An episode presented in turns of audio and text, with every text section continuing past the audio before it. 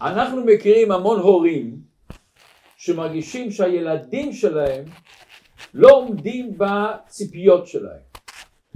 והרבה פעמים בתוכו עמוק הוא חושב אתה מאכזב אותי. וחס ושלום לפעמים אפילו הוא אומר לו את זה. הרבה פעמים אנחנו שואלים את עצמנו איך נחנך את הילדים שלנו?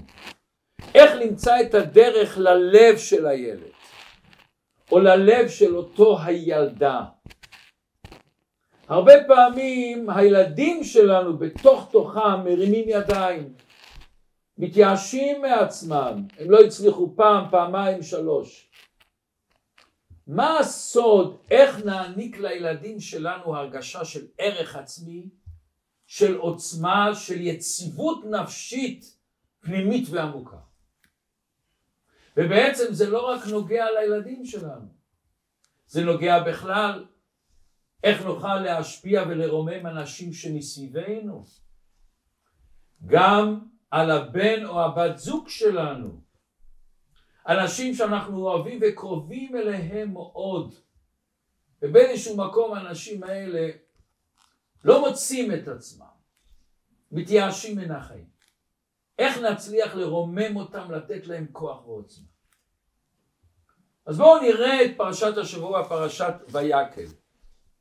באה התורה ואומרת ויבואו כל איש אשר נשאו ליבו וכל אשר נדבה רוחו אותו הביאו את תרומת השם למלאכת אוהל מועד ולכל עבודתו ולבגדי הקודש. כמו שדיברנו בשיעור הקודם הקדוש ברוך הוא ביקש ממשה להגיד לבני ישראל שיביאו תרומות לבנות את המשכן. ומביאים ומביאים ומביאים. באה התורה בפרשת השבוע ואומרת והנשיאים, הנשיאים של העדה, ראשי השבטים, מה הם הביאו? הם הביאו את אבני השוהם ואת אבני המילואים לאפוד ולחושן. רש"י מביא מדרש מעניין. אומר המדרש אמר רבי נתן מה ראו נשיאים להתנדב בחנוכת המזבח בתחילה שאמרו להביא תרומות מיד הם ראשון ובמלאכת המשכן לא, התנב... לא התנדבו תחילה למה? אלא כך אמרו אמרו אותם נשיאים התנדבו הציבור מה שמתנדבים שכל הציבור של עם ישראל ייתנו מה שהם רוצים. ומה שיהיה חסר אנו משלימים אותו. מה שקרה השלימו הציבור את הכל הציבור נתן את הכל. כמו שכתוב והמלאכה הייתה דיים משה אמר די והותר אני לא צריך יותר אמרו הנשיאים, מה עלינו לעשות, ריבונו שלנו, אנחנו חשבנו שנוכל גם לתת. ובסוף עם ישראל, הוא נתן את הכל. הביאו את אבני השואה, ולקח התנדבו בחנוכת המזבח בהתחלה. ולפי שנתעצלו מתחילה, בהתחלה הם היו עצלנים, נחסרה אות מש, משמם. ותראו דבר מעניין, כתוב והנשיאים בלי יוד בכלל, ו' ה' נ' ש' א' מ'. בפשטות ההסבר הוא מכיוון שהנשיאים לא באו בזריזות ובהתלהבות לתת את התרומה שלהם היה פה לפי המדרגה הגדולה שלהם חיסרון בזריזות הגדולה. חיסרון בזריזות לעשות את ציווי הקדוש ברוך הוא. והתורה מלמדת אותנו כאן כלל גדול מאוד ומיד בהשקפה הראשונה כל אחד רואה אפילו שהנשיאים הביאו תרומה יקרה מאוד, הם הביאו אבני חושן, אבני אפוד, יהלומים, אבנים ששווים הרבה יותר מכל התרומות שהתורה כותבת עליהם שהביאו בני ישראל בהתחלה. אבל בכל זאת התורה כותבת את הנתינה שלהם, את האבנים בסוף, בסוף הרשימה שהתורה מביאה את כל מה שנתנו. ללמד אותנו שהערך של תרומה והנתינה שלנו היא לא רק מה שאתה מביא, היא קשורה בהרגשה פנימית שלך. אם אתה עושה את זה בזריזות, בהתלהבות, בחיות, או, זה סימן שאתה קשור לדבר. זה סימן שאתה קשור לקדוש ברוך הוא. שהנתינה היא לא אצלך עול. זה לא רק הרגשה אני חייב, יש לי אחריות לדבר. אני חלק מעם ישראל, אני חייב לעשות את זה. אני חייב שיהיה משקל, הדבר צריך להיעשות. זה לא רק בגלל שהדבר צריך להיעשות, בגלל שאני רוצה להיות חלק מהדבר. אני רוצה להיות חלק מהמשקל. אני עושה את זה עם כל הלב, בזריזות אני רק לעשות את זה. ומכיוון שהנשיאים הביאו את התרומה שלהם באיחור, הם אמרו שכולם ייתנו מה שייתנו ואנחנו נשלים. זאת אומרת, הם רצו לקחת את האחריות, אבל לא החום, לא התלהבות. זה פגע גם בערך של התרומה שלהם. מצד אחד השווי היה יקר, אבל באה התורה כותבת את זה בסוף. למה הערך של הקדוש ברוך הוא שהבן אדם נותן זה לא רק בשווי, זה ברגש שלך, בפנימיות שלך. כמו שכולנו מכירים אחד המרבה ואחד הממית ובלבד שיכוון ליבו לשמיים. אבל לכאורה כאן צריך להבין. ובואו נראה דוגמה פשוטה. בא יהודי לעיר מסוימת ואוסף תרומות לבנות בית כנסת, בית חב"ד, בית רפואה, מוסד ציבורי של עזרה. והוא אומר, נכנס לאנשים ואומר, אני צריך חמש מיליון דולר לבנות את המוסד הזה. הוא נכנס בית ראשון לאיזה גביר, והגביר אומר לו, תשמע, לך תאסוף בעיר, ומה שיהיה חסר לך, אני נותן לך, אל תדאג. איך הוא הולך? איך הוא הולך? הרגשה נפלאה, הרגשה נפלאה. ואני עברתי את זה, אני יודע מה זה שאוספים כסף למוסדות, ולי זה אף פעם לא קרה. שמישהו אמר לי בהתחלת הדרך, אל תדאג, יש לך את הכסף. או מהם, אם לא, אני נותן. אני מתאר לעצמי, זו הרגשה נפלאה. הוא יודע את הכסף יש לו, מה אכפת לו אם זה יהיה מהבן אדם הזה, בן אדם אחר או מאותו בן אדם. יש לו את החמש מיליון. זה מה שעשו לכאורה הנשיאים. השם אמר שצריך לבנות משכן מצוין. הנשיאים מיד אומרים אנחנו לוקחים את הפרויקט הזה על עצמנו אל תדאגו כל אחד תיתן כמה שאתה רוצה אבל אל תדאגו הפרויקט יעשה בלי עול בלי לחץ אנחנו נשלים מה שצריך זה חסד עצום זו הרגשה נפלאה שהייתה לעם ישראל באותו רגע, וואו, הכל מסודר כבר. הנשיאים לקחו על עצמם את האחריות שהמשכן ייבנה בכל מצב. עוד דבר, זה לא יפה שיש פה גם רצון לזכות את עם ישראל? הם לא לקחו את זה על עצמם לבד, הם אמרו שכל אחד ייתן, כל אחד ייתן כמה שהוא רוצה, ואנחנו נגמור את הפרויקט של בניין המשכן. אז למה באמת הם אחרונים ברשימה? למה באמת הוציאו את היוד, שעוד מעט נראה מה היוד הזה אומר. למה הוציאו את היוד מהם? הם היו אנשים מאוד נחמדים, מאוד טובי לב. הם רצו מיד לעשות הרגשה של שקט ורגיעה, המשכן הולך להיעשות. בשבוע שעבר הייתי בארצות הברית ושם באחד הכינוסים הבן שלי אברהם סלבטיצקי שהוא שליח באטלנטה שאל את השאלה הזאת הוא סיפר סיפור מאוד מעניין הוא סיפר שכאשר אדמו"ר הקודם של חב"ד הרבי הריי"ש רבי יוסף יצחק הרבי המפורסם למסירות נפש שלו ברוסיה שעשו עליו כבר, כבר גזר דין מיתה בגלל שהוא פתח חדרים ומקוואות וישיבות, הלך במסירות נפש. וניסים ונפלאות בסוף הוא השתחרר, ובזמן מסוים הוא היה בוורשה. ונכנס אליו חסיד של הרבי מאמשנוב. זה הרבי מאמשנוב הקודם. אני למדתי סתם בבית וגן, אני עוד זכיתי להסתובב באמשנוב ושם היה רב מאיר, רב מאיר כן, יהודי צדיק גדול. היום הוא כבר הסתלק למעלה, היום הנכד שלו המשיך, רבה מפורסם, רבה מאמשנוב, שמי שמכיר יודע שהתפילות שלו הולכות שחרית עד הלילה, מאוחר מאוחר מאוחר.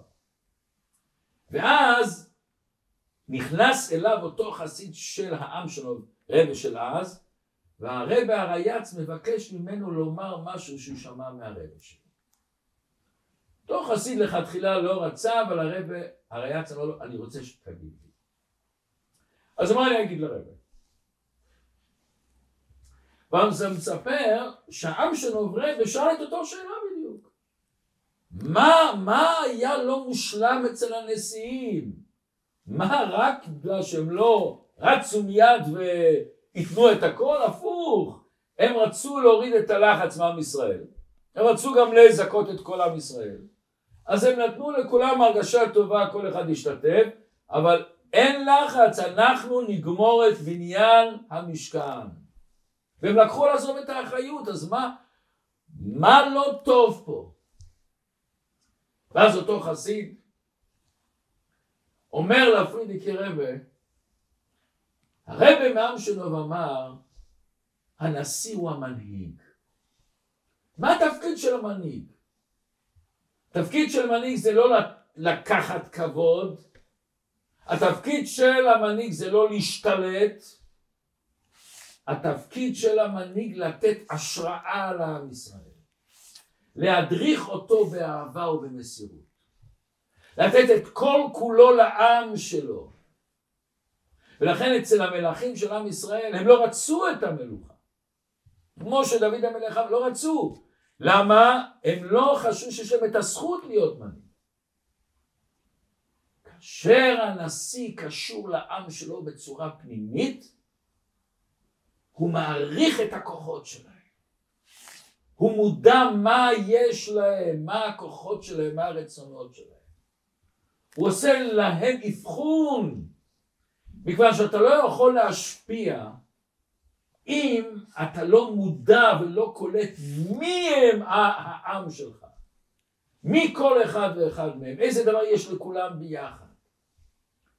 אם אתה לא מאמין בהם, ואתה לא מעריך אותם, ואתה לא מודע, ואתה לא עושה את האבחון הפנימי, אתה לא יכול להנהיג אותם, ריבונו של.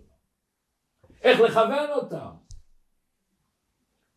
הנשיא, בקשר שלו הפנימי, באהבה שלו, מרגיש את הכוחות שיש לו עכשיו, ועוד משהו, הוא מרגיש את הכוחות שטמונים בהם שהם אפילו לא יודעים שיש.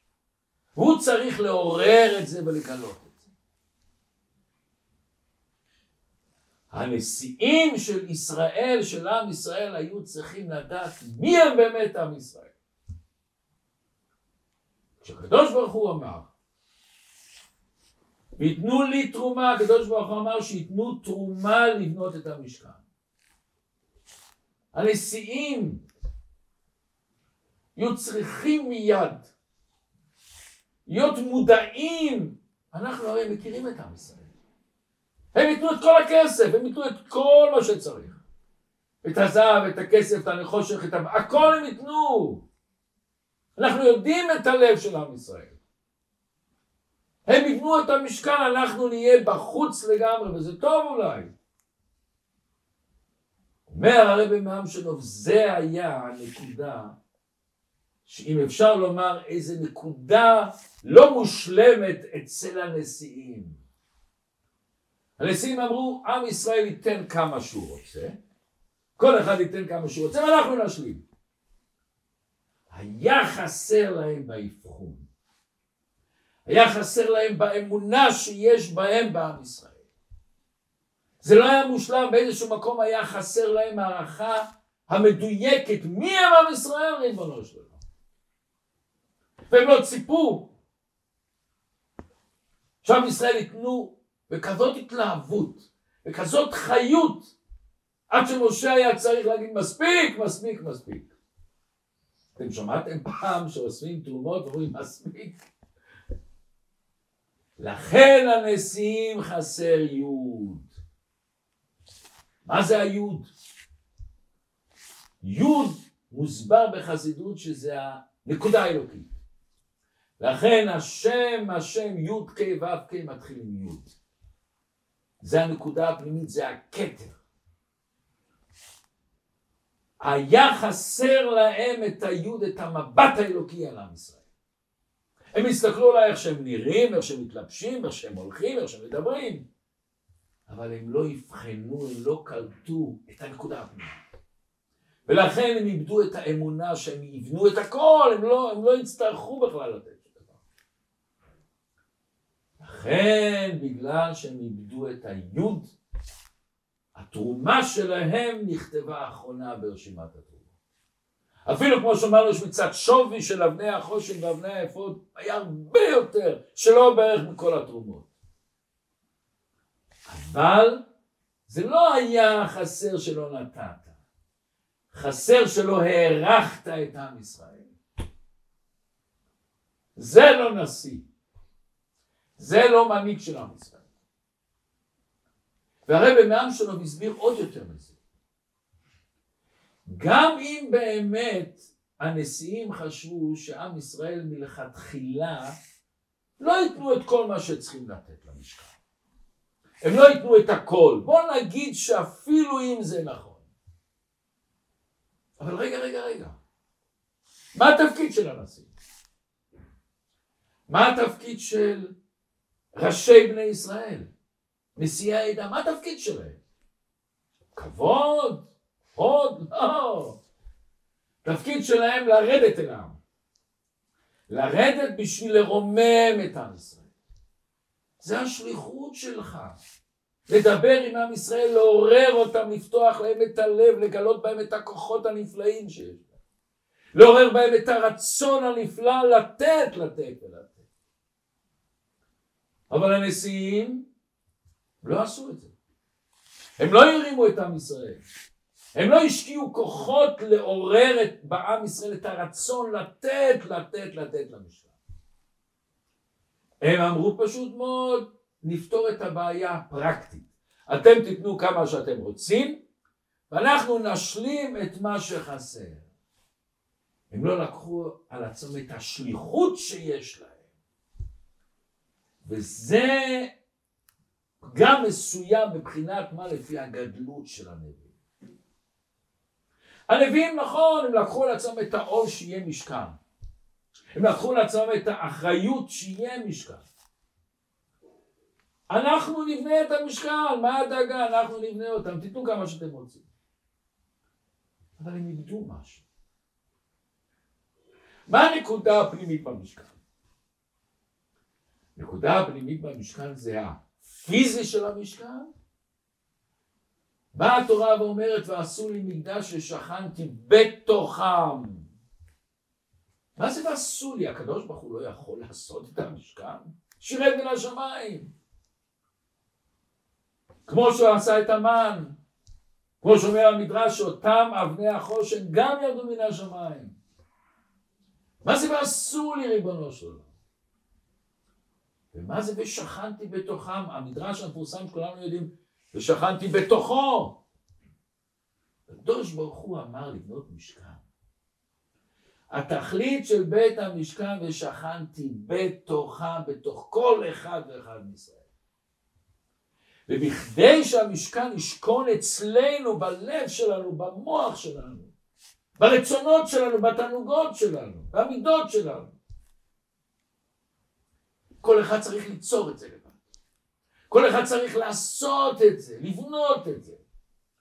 זה לא המשכן הפיזי הזה, הזהב והכסף.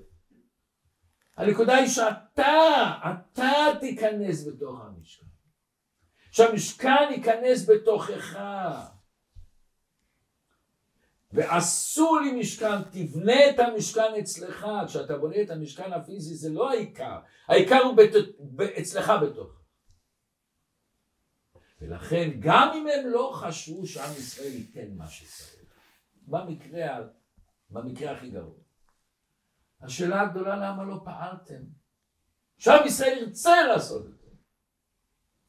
למה לא עוררתם אותו? למה לא ירדתם לרצונות שלו? שהוא יעשה ועשו לי מקדש ששכנתי בתוכם, שהוא ישכון בתוכך. למה לא עשית את זה ריבונו שלו? למה לא עשית? היה חסר לך אמון. היה חסר לך אמון בעם ישראל שתצליח להדליק אותו. היה חסר לך את האבחון הנכון שאתה יכול לעשות את זה אצל עם ישראל.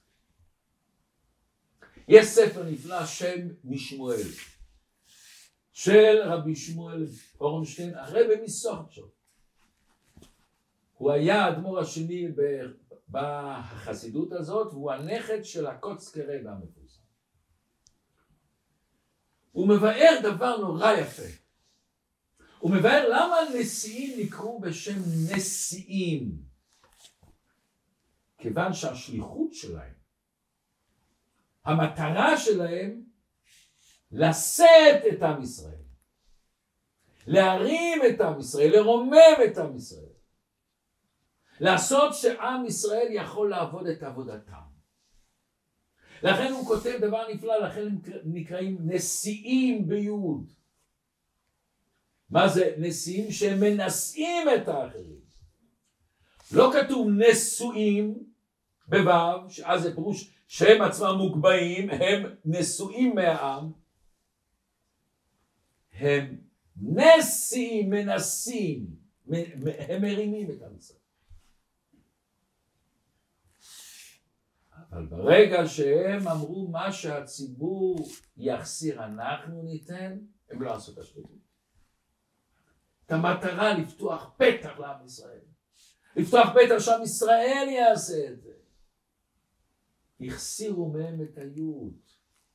אתם כבר לא נשיאים, אתם לא מרימים. את היוד הזה, את הנקודה הפנימית שביהודי שאתה צריך להדליק, אתה לא עשית את זה, אתה כבר לא זה שמרים את עם ישראל. בסוגריים, אבל סוגריים מאוד מעניינות. היום בזמננו אנחנו רואים את זה בצורה כל כך מוחשית. דווקא היום בזמן כזה מבולבל בעם ישראל. דווקא בזמן כזה בעם ישראל שעברנו מה שעברנו ומה שאנחנו עוברים היום כל יום. פתאום אנחנו מגלים יהודים שלכאורה הסתכלנו עליהם כמו אנשים פשוטים. אנשים שחיים חיים שקטים, פתאום נהיו מארגנים.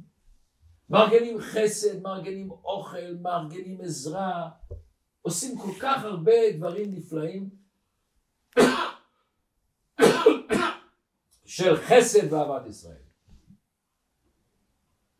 הייתי עכשיו בארצות הברית, רואים אנשים שנקראים ליברלים. ואני מדבר עם המון שלוחים של חב"ד. אנשים שלא התחברו לעולם לקהילה היהודית. לא שמו רגל בבתי חב"ד. ועכשיו, לא רק שהם באים, הם מארגנים שיעורים. מארגנים כינוסים למען אחינו בני ישראל. מארגנים כינוסים ושיעורים לחזק את היהדות באמריקה או בכל מיני מקומות. בביאור הנפלא הזה של העם של רב רבה, יש מסר גדול מאוד לכל אחד ואחד מאיתנו. מכיוון שכל אחד ואחד מאיתנו יש בו בחינה מסוימת של נשיא, כך אומר הרב. להיות כל איש שולט בביתו. כל אחד נשיא במשפחה שלו, על הילדים שלו, על הסביבה שלו, על החברים שלו, על האנשים שהוא קשור איתם, שהוא עובד איתם, שהוא פוגש אותם. וזה השליחות שיש לכל אחד מאיתנו בנשיאות הקטנה אולי שיש. להעריך ולהבחין כל, ולהבחין כל אחד שבסביבתו, ושיכול לתת לו השפעה, מה הוא באמת? מה הוא יכול להיות באמת? מה בתוך תוכו הוא רוצה, איזה רצון אני יכול להדליק בו. ואני צריך להעריך אותו, לאבחן אותו ולהבין ולהאמין בכוחות שלו. אני צריך לקלוט מה השפה שאני צריך לדבר איתו. מכיוון שכולנו יודעים כמו שיש שפה גשמית, שאדם צריך להבין אחד את השני, ואם אני לא, לא, לא מכיר את הסביבה הזאת אני לא מבין, אני לא קולט, יש אותו דבר שפה רוחנית. וכולנו יודעים בדיוק שלפעמים אני מדבר לבן שלי או לבן או בת זוג שלי או לבן אדם מסוים הוא בכלל לא קולט, למה הוא לא קולט ריבונו שלו? אני לא משתמש בכוח הנשיא שלי. כוח הנשיא שבי זה לקלוט אותו, לאבחן אותו, לראות מה הוא באמת. ובכדי להבין את השני באמת, אנחנו צריכים לנקות את הכתמים השחורים שיש לנו במשקפיים. את הלכלוך שיש לנו במשקפיים שלנו. הלכלוך הזה המקור שלו באגו שלנו. בעיוורון שיש לנו כאשר אנחנו רואים את השני. מכיוון שהרבה פעמים המבט שלי על השני הוא לאו דווקא מה שיש בשני, אלא מה שאני רוצה לראות בשני. לפעמים האמא אומרת, הילדה שלי מאוד ביישנית. אבל מישהו אחר, כשהוא יתבונן עמוק יותר, הוא יראה שהילדה היא לא ביישנית בכלל. היא מתבוננת וסופגת פנימה את כל מה שהיא רואה. יש בתוכה עולם פנימי עשיר, היא קולטת, היא קולטת. לפעמים הורים חושבים שהילד מפריע. וכשבאים למורה אומרים כנראה הוא מפריע לך, הוא אומר לא. ילד מלא שמחת חיים, יש לו קסם, יש לו התלהבות, יש לו חיות. אני מכיר ילד אחד שכל כך הפריע בבית, צעק, בעט, הרביץ אל כל הילדים. עד כדי כך שהילדים ביקשו שהוא יצא מהבית, לא יכלו, לא יכלו. ההורים כמעט לא יכלו להזמין אורחים הביתה, מכיוון שהוא הפריע לכל דבר. אבל תפסו את הנקודה שלו. תפסו את השפה שלו. הצליחו לקלוט, לראות מה הוא באמת. היה איזה בעיה קטנה. אבל הבעיה הקטנה הזאת, אם לא מטפלים בה נכון, היא צומחת. והיום הילד הזה, לראות אותו, זה ממש אושר. פנים כאלה מחייכות וכל כך נותן ונותן ונותן. יש מורה אחד שפתאום מתלונן שהילד לא משתתף בכיתה, הוא בשקט. אבל כשאתה מסתכל עמוק, אתה רואה שהוא לא צריך להשתתף. הוא בטוח בידיעות שלו, הוא לא מחפש להתבלט, הוא לא מוצא צורך שכולם ישמעו מה שהוא יודע, וזה לא מעניין אותו. ולפעמים אני שומע ילד שמתחצף, שואל ככה שאלות, אבל הוא ילד נפלא שיש לו אומץ להביע מה שהוא חושב. הוא לא מוכן לקבל גבולות שלא מבוססים על כבוד מזויף. הוא לא קולט את זה בכלל. המבט שלנו על הילדים שלנו יכול לשנות מצב שלם. המבט שלנו על הילדים מתוך הבחנה נכונה, לראות את הטוב שבו. זה פתאום פותח לנו הרגשות נפלאות שיש לנו. ויותר מזה, זה גורם לילד להשתנות. זה נותן לו הערכה עצמית פנימית, מוטיבציה נפלאה, פותח לו עולם חדש. מחנך אחד גדול אמר פעם, הפירושים האלה, הפירוש של רש"י ותוספות, על דברים שהילד או הילדה עושים, ואני מחפש לראות מה מסתתר מאחורי הדברים שנראים מלוכלכים, שנראים כתמים, אבל דווקא אני מוצא אחריהם המון חן, המון אור. וכשאני רואה את החן בעיניים שלהם, שמצאתי את החן הזה, אני מוצא חן בעיניהם. הם קיבלו ממני השראה. זה דו-סטרי, זה לא חד-סטרי. כשהם מרגישים את האהבה, את המבט שלי, הם אוהבים אותי בחזרה. וילד שמרגיש שאוהבים אותו, אוהב בחזרה, הוא צומח לגמרי אחרת. הדבר היחידי שנחוץ באמת לילדים כדי לחזק את עמוד השדרה שלהם, לקבל יציבות זה התחושה שהם חווים, שכשמישהו מתבונן בהם עם עין טובה, רואה את האהבה שאני רואה בו. ויש ילדים שמאוד מהר הייתי בעין טובה, אבל יש ילדים שלוקח זמן לפעמים, זה השקעה. אבל איזה השקעה הזאת יכולה להביא ברכה עצומה. לפעמים על העדשות של העין יש נקודות שחורות שמסתירים את היופי שלהם. אבל זה כתמים של אגו שלו, זה, זה, כתמים ש, זה הכתמים של אגו שלי. זה כתמים של דעות מוקדמות שלי, זה כתמים של פחד שאני משתעמם, של שליטה, של פחד מתחייה, של כתמים, אולי אני רוצה שדווקא הוא ישמע מה שאני אומר לו. אבל זה כתמים שאם אני מצליח לנקות אותם לאט לאט, הם נהיים כל פעם יותר קטנים. ובזכות כל אחד מהילדים אני מעביר פוליש חדש על המשקפיים שלי. ואני מצליח לראות יותר ויותר אור בכל שאר הילדים שאני למדתי את הפרינציפ, איך להביט על דברים. ואני רואה יותר ויותר טוב. וזה לא רק מול התלמידים, אני רואה את העולם אחר. וזה בזכות שהילד או הנער אומרים לנו לפעמים דברים שליליים, אבל אני יודע איך בדיוק להגדיר את הדבר שהילד לא ירגיש רע עם זה. לפעמים יש ילד שאומר, אני שונא את אימא שלי, אני שונא את אימא. מה אנחנו עונים לו? אז יש כאלה שיגידו, אוי, זה איום נורא, שנאה, איך מותר לך, אסור לשנוא את זה. זה עבירה גדולה בתורה, איך אתה עושה את זה?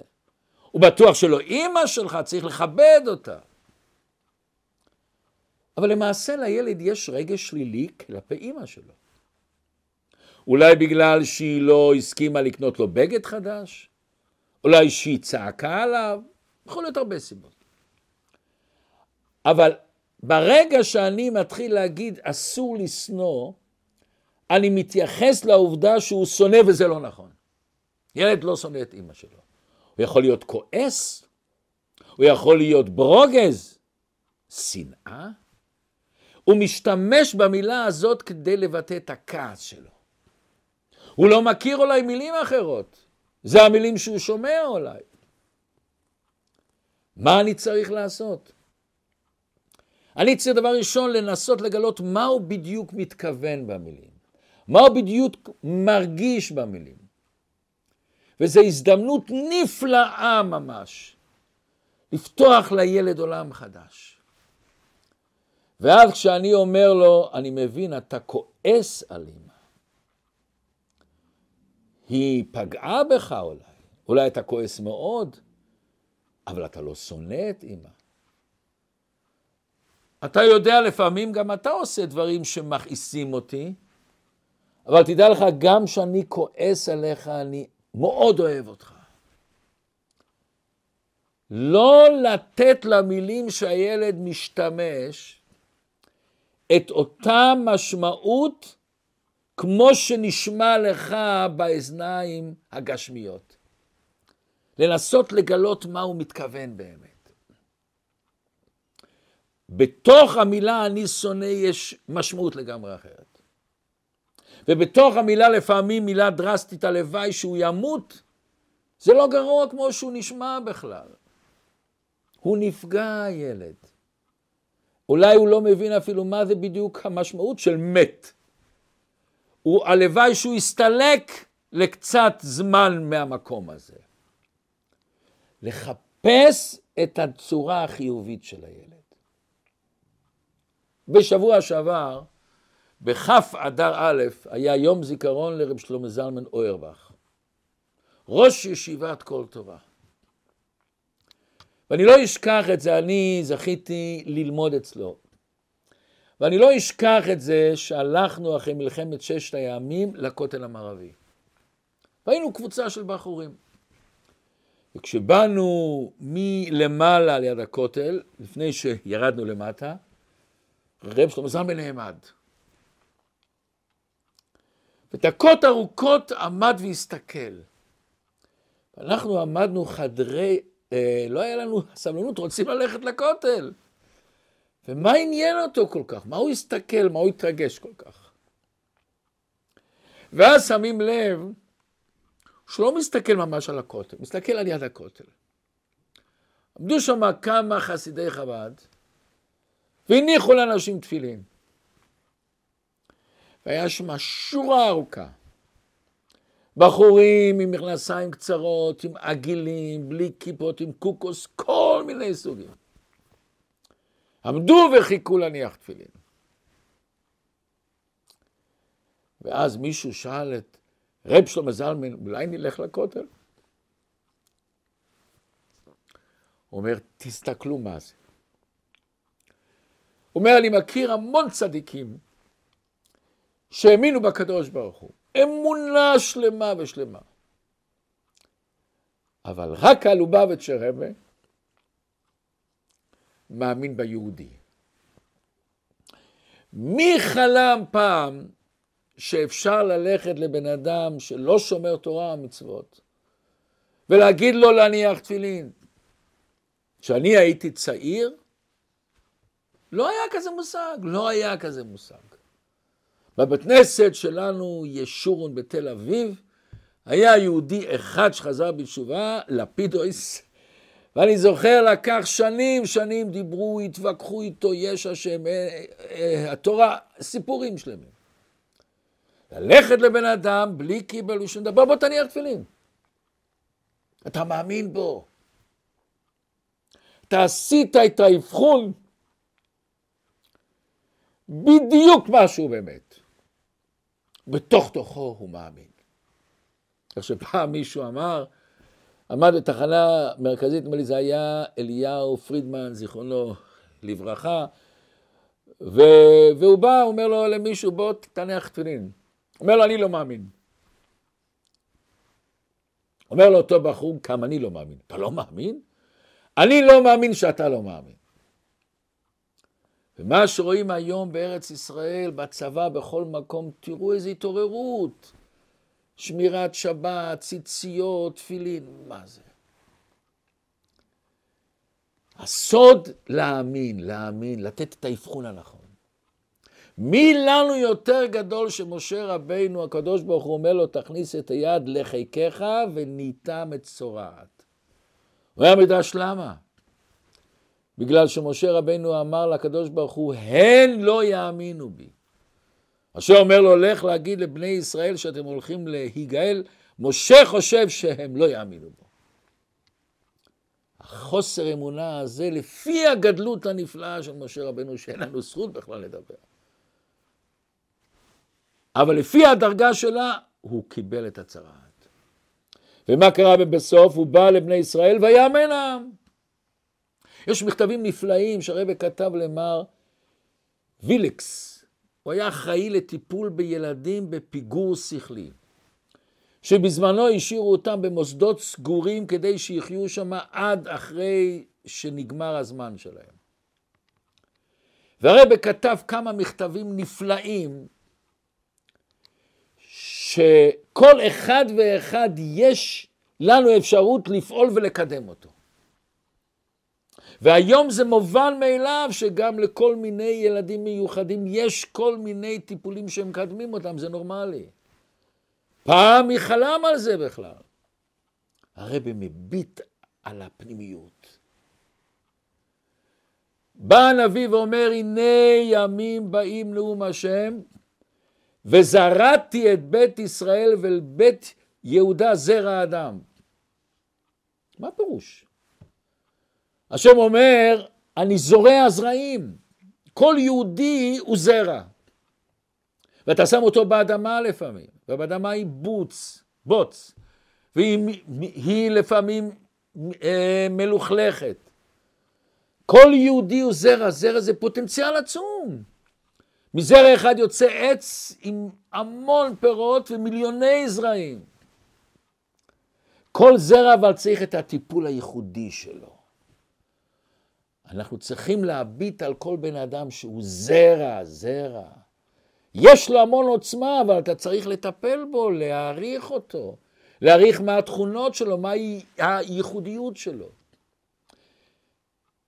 לדעת שהאדמה, הבוץ שנמצא, זה דווקא יכול להצמיח אותו. בפרט העניין הזה מאוד חשוב בנער בגיל ההתבגרות, שפתאום הוא הופך להיות מודע לעצמו ולסביבה שלו. הוא כבר לא סתם ככה הולך אל הבית ספר כמו כולם. ויש לו שיח עם הסביבה שלו, הוא מגבש את האישיות שלו, הוא מגדיר את המקום שלו בעולם. זה השלב שבו הוא מתחיל לפתח את הערכה העצמית שלו.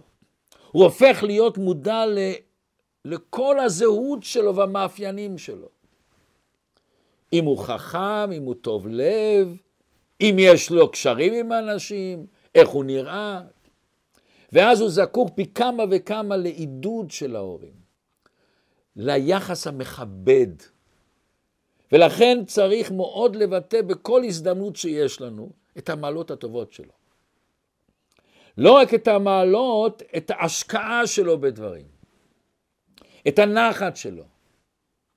לספר לאנשים אחרים את הנחת שיש להם מהילד בכדי שהוא יקלוט את זה. וזה עושה בנייה, בנייה פלאית לגמרי, כשאומרים לילד. וכשהוא מבקש משהו מההורים, ברור שאני סומך עליך שאתה תעשה כמו שצריך לעשות, וזה פותח. וזאת מלמדת אותנו הפרשה שלנו על הנשיאים. תעריך את המושפעים שלך, תעריך את האנשים שמסביבך, תעריך את האנשים שאתה חושב שתוכל להשפיע עליהם. אבל מאידך, לא לומר לו תעשה מה שאתה רוצה ואני אשלים. תן לו אתגר, תן לו אתגר גדול. אם אני מעביר לו את הכוח והעוצמה להתמודד עם האתגר. ילדים צומחים מאתגרים. אז אל תעשה בשבילו את העבודה, תן לו אתגר, ותיתן לו את זה מתוך הרגשה שאתה מאמין בו, ואתה מסתכל עליו בחיובי. וזה העבודה של הנשיאים, לתת לעם ישראל את ההשראה שאתם יכולים לבנות את המשכן. זה מה שהנשיאים היו צריכים להגיד אל בני ישראל, לא אנחנו נשלים, אתם תבנו את המשכן. ואז אתה מעריך אותו נכון, ואז כשהוא עושה את זה, איזה עוצמה יש לו. לתת לילדים להתמודד עם אתגרים. אה, כמובן אתגרים שאני יודע שהם יכולים להתמודד איתם. אבל ההתמודדות עם בעיה זה הרבה פעמים הפתרון הנפלא איך לתת לו הערכה עצמית והרגשה טובה. ואז הילדים צומחים לגמרי אחרת. כאשר הוא פותר בעיה, הוא מרגיש טוב עם עצמו. וגם אם הוא מתחיל לפתור את הבעיה, ואני רק רואה שהוא התחיל לחשוב איך לפתור את הבעיה, או יופי, אתה חושב טוב, איך פותרים. וזה מתחיל עם דברים הכי קטנים, כשהילד הקטן לומד איך לקשור נעליים, או איך להרביש את הגרביים, או, או איך להחזיק את הכפית והמזלג, זה ההתחלה של הצמיחה שלו. אבל הנשיאים לא אתגרו את בני ישראל. הם אמרו להם, אתם תביאו מה שאתם רוצים, ואנחנו נגמור את העבודה, אתם לא תוכלו לגמור את העבודה. לכן מובן הטעם למה השם נתן לנשיאים לתת את אבני החושן ואבני האפוד. יש זוהר מעניין מאוד. בא הזוהר ואומר, אני אומר את זה בעברית, מה הטעם שהשם נתן להם דווקא אבני שוהם? למה דווקא זה הנשיאים ולא אדם אחר? הרי כתוב, כל נדיב לי, בוא, אז כל אחד יכול לתת מה שהוא רוצה. למה השם נתן דווקא להם את אבני השוהם? אומר הזוהר, אצל כולם הנדבה הייתה תלויה במה שהוא רוצה. הנשיאים דווקא את האבנים, למה? איפה שמו את האבנים? על ליבו של הכהן גדול. אומר הקדוש ברוך הוא, אומר הזוהר, יבואו הנשיאים שליבם גס בהם, ויביאו אותן האבנים, שהן נתונות על לב הכהן גדול, ויתכפר מגסות ליבם. התיקון של הנביאים, אה, של הנשיאים, היה, הבעיה הייתה לב גס. מה זה לב גס? לב שהוא לא קלט את עם ישראל, הוא לא קלט אותם. הוא לא האמין בהם, הוא לא העריך, הוא לא הרגישו את הלב שלהם. הם לא הרגישו את הפוטנציאל שיש בהם להרים את עם ישראל. לכן בשביל זה, אומר הקדוש ברוך הוא, אתם תלבישו את אבני החושן, בכדי לתקן את הפגם שלך. אם אתם בשיעור הזה למדתם משהו, אם משהו השאיר בנו רושם מאותו שיחה שיש לנו עכשיו, ואנחנו חושבים לפעמים שיש לנו עוד אנשים שהם ישמעו את זה, אולי זה גם יפעל עליהם. אז בואו אולי לשתף את השיעור הזה עם אנשים אחרים. לעשות לייקים, לעשות uh, תגובות, בכדי לפרסם את זה יותר. להרים את זה יותר, את המושג הזה, שכל כך חשוב לכל אחד ואחד מאיתנו, להעריך נכון, להגדיר נכון, לעשות אבחון נכון, להאמין בשני, ושנזכה בקרוב ממש לביאת משיח צדקנו.